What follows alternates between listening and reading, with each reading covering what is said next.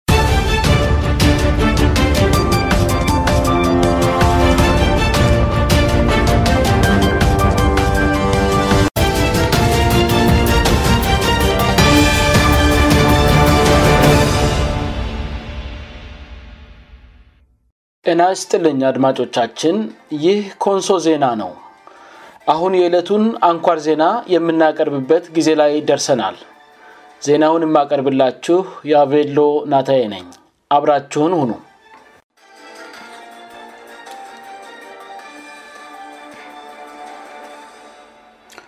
አርስ ዜናዎችን በማስቀደም የዕለት ረቡ ሰኔ 16 2013 አም አንኳር ዜናዎችን አሰማለሁ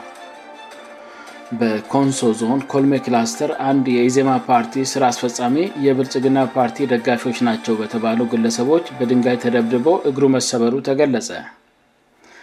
በኮንሶ ዞን ለ6ድስተኛው አገር አቀፍ ምርጫ በ121 የምርጫ ጣቢያዎች ሲደረግ የነበረው ምርጫ በሰላም መጠናቀቁ ተገለጸ በአንዳንድ ቦታዎችና ምርጫ ጣቢያዎች ከታየው እንግልት ወከባና የቁሳቁስ እጥረት ከፈጠረው ጫና ውጪ ምርጫው ሰላማዊ ነበር ስል የአፍሪካ ህብረት ታዛቢ ቡድን አስታወቀ አሁን ዜናውን በዝርዝር አሰማለሁ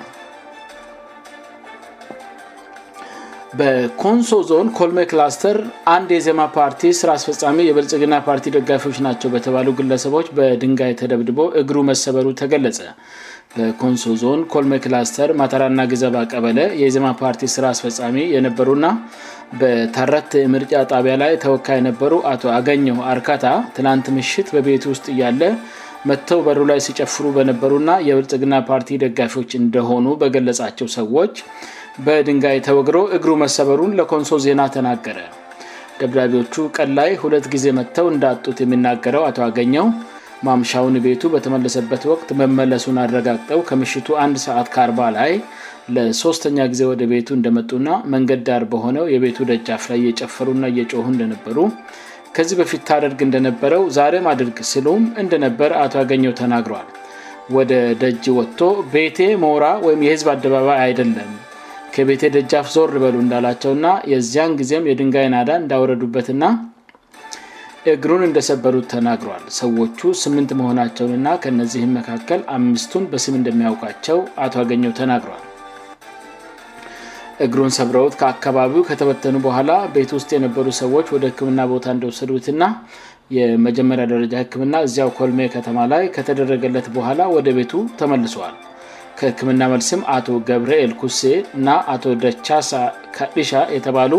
ሁለት የብልጽግና ካድሬዎች ናቸው ያላቸው ግለሰቦች ሌሊት የቤቱ መጥተው ከታጠቁት ሽጉት ሶስት ጥይት ከቤቱ በላይ ወደ ሰማይ እንደተኮሱ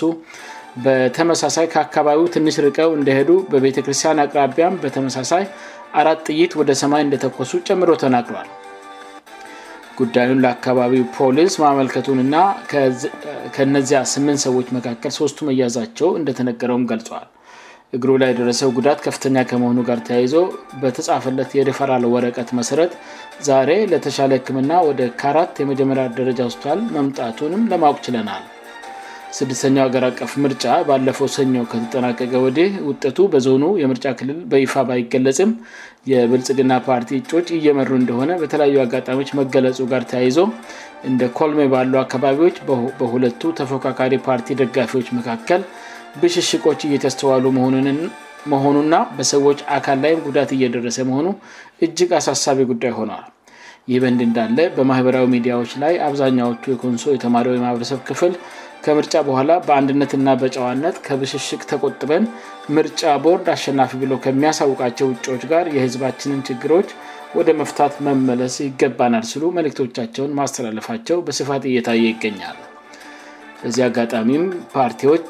ደጋፊዎቻቸውን እንዲያረጋጉና አሁን ሁሉም ነገር ስልጠናቀቀ የምርጫ ቦርድን ውሳኔ በመጠበቅ ሂደት ደጋፊዎቻቸውን እንዳይጋጩእና ዜጎች እንዳይቆዱ የድርሻቸውን እንዲወጡ ኮንሶ ዜና ያሳስባል ይህ ኮንሶ ዜና ነው በኮንሶ ዞን ለስድስተኛው አገር አቀፍ ምርጫ በ121 የምርጫ ጣቢያዎች የተደረገው ምርጫ በሰላም መጠናቀቁ ተገለጸ በኮንሶ ዞን የምርጫ ክልል ጽህፈት በስር በተቋቋሙ 121 የምርጫ ጣቢያዎች የድምፅ መስጠት ሂደቱ ያለምንም የፀጥታ ችግር መከናወኑን የምርጫ ክልል ጽህፈት ቤቱን ጠቅሶ የደቡብ ክልል ቴለቪዥን ዘገበ ጊዜያዊ የምርጫ ውጤቶች ይፋ በመደረግ ላይ መሆናቸውም ተገልጿዋል የምርጫ ክልል ጽህፈት ቤቱ ኃላፊ አቶ ዮሐንስ ጉዮላ የድምፅ አሰጣት ሂደቱ ከተጠበቀው በላይ ሰላማዊ መሆኑንና ሰፊ የህዝብ ተሳትፎ የታየበት መሆኑንም ተናግረዋል 15259 ሰዎች የመራጭነት ካርድ መውሰዳቸውን ያስታወሱት ኃላፊው ካርድ ከወሰዱት መካከል 8 በመ ድምፅ መስጠታቸውንም ተናግረዋል እንደ ኮንሶ ዞን ከተጠበቀው በላይ ምርጫው ሰላማዊ ፊትሃና ያለ አንዳች የጸጥታ ችግር የተከናወነበት ሁኔታ ነው ያለው ያሉት አቶ ዮሐንስ ለደቡብ ክልል ቴሌቪዥን መረጃውን በሰጡበት ወቅት ውጠት የተሞላባቸውን ቅጾች እና ካርዶች ከምርጫ ጣቢያዎቹ በመሰብሰብ ላይ መሆናቸውን ና የጣቢያዎቹን ውጠት ማሰባሰብ እንደጠናቀቀ ተደምሮ ለብሔራዊ ምርጫ ቦርድ ይላካል ማለታቸውም ተገልጿል በድምፅ አሰጣት ሄደቱ ዙሪያ የቀረቡ ቅሬታዎች በመነጋገር መፈታታቸውንም አቶ ዮሐንስ ጉዮላ መናገሩን የቴሌቪዥን ጣቢያው ዘግቧል አቶ ዮሐንስ በምርጫው ዕለት የገጠሙ በምርጫ ጣቢያዎች ደረጃ ከሁሉም ፓርቲዎች ጋር በጋራ በመሆን እዚያው መፈታታቸውን ተናግረዋል ከምርጫ ጣቢያው አቅም በላይ የሆኑ ቅሬታዎች በተፈጠሩባቸው ጣቢያዎች ስልክ በመደወል እዚያው እንዲፈታ አድርገናል ብለዋል ስለዚህ ችግሮች በዚያው ደረጃ ተፈተዋል ስሉ በአጽኖት ተናግረዋል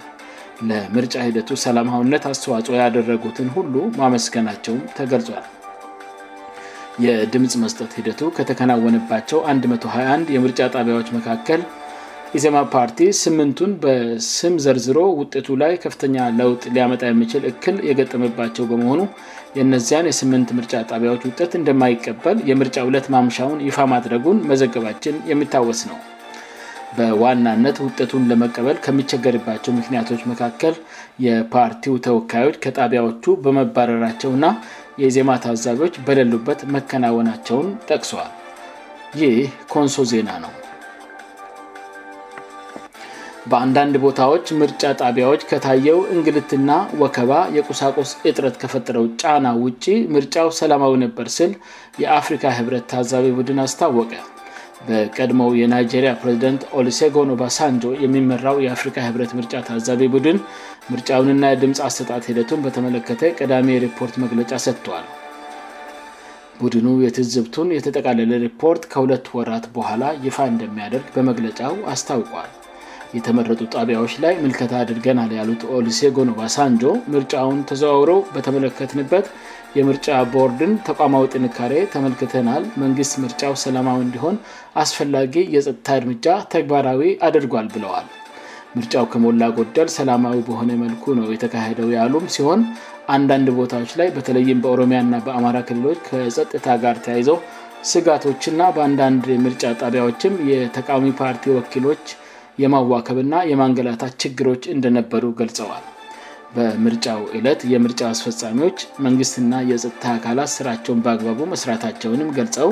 የቁሳቁስ እጥረት ና የመራጮች ብዛት በድምፅ አሰጣጡና በቆጠራው ሂደት ላይ ጫናን ፈጥሯል ብለዋለው ባሳንጆ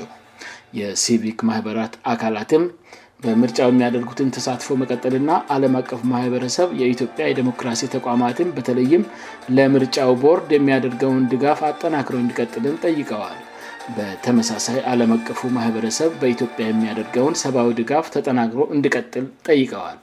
የምርጫ ውጠቱ በሚመለከተው አካል ይፋ እስኪሆን ድረስ ሁሉም ባለደርሻ አካላት በትግስት ልጠባበቁ ይገባልም ነው አሉት ኦባሳንዶ ቡድኑ በአምስት ክልሎች እና ሁለት ከተሞች ታዛቢ ልኮ ምርጫውን መታዘቡን አስታውቋል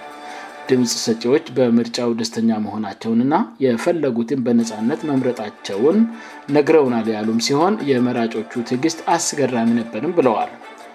ቡድኑ ምርጫውን በአራት ክልሎችና በሁለት ከተማ አስተዳደሮች በ190 የምርጫ ጣቢያዎች ተገንቶ መታዘቡን የገለጸው የምስራቅ አፍሪካ ተጠባባቂ ኃይል የምርጫ ታዛቢ ቡድን ምርጫው የተረጋጋ ና ሰላማዊ ነው ማለቱ የሚታወስ ነው አድማጮቻችን ዜናውን ከማብቃት በፊት አርሴት ዜናዎችን በድጋሚ ያሰማሉ በኮንሶ ዞን ኮልሜ ክላስተር አንድ የኢዜማ ፓርቲ ስራ አስፈፃሚ የብልጽግና ፓርቲ ደጋፊዎች ናቸው በተባሉ ግለሰቦች በድንጋይ ተደብድቦ እግሩ መሰበሩ ተገለጸ በኮንሶ ዞን ለስድስተኛው አገር አቀፍ ምርጫ በ121 የምርጫ ጣቢያዎች ሲደረግ የነበረው ምርጫ በሰላም መጠናቀቁ ተገለጸ በአንዳንድ ቦታዎች ና ምርጫ ጣቢያዎች ከታየው እንግልት ወከባ ና የቁሳቁስ እጥረት ከፈጠረው ጫና ውጭ ምርጫው ሰላማዊ ነበር ስል የአፍሪካ ህብረት ታዛቢ ቡድን አስታወቀ ዜናው በዚያ አበቃ አድማጮቻችን የዕለቱ አንኳር ዜናችን ይህን ይመስል ነበር ስላዳመጣችሁን እናመሰግናለን ደህና ቆዩን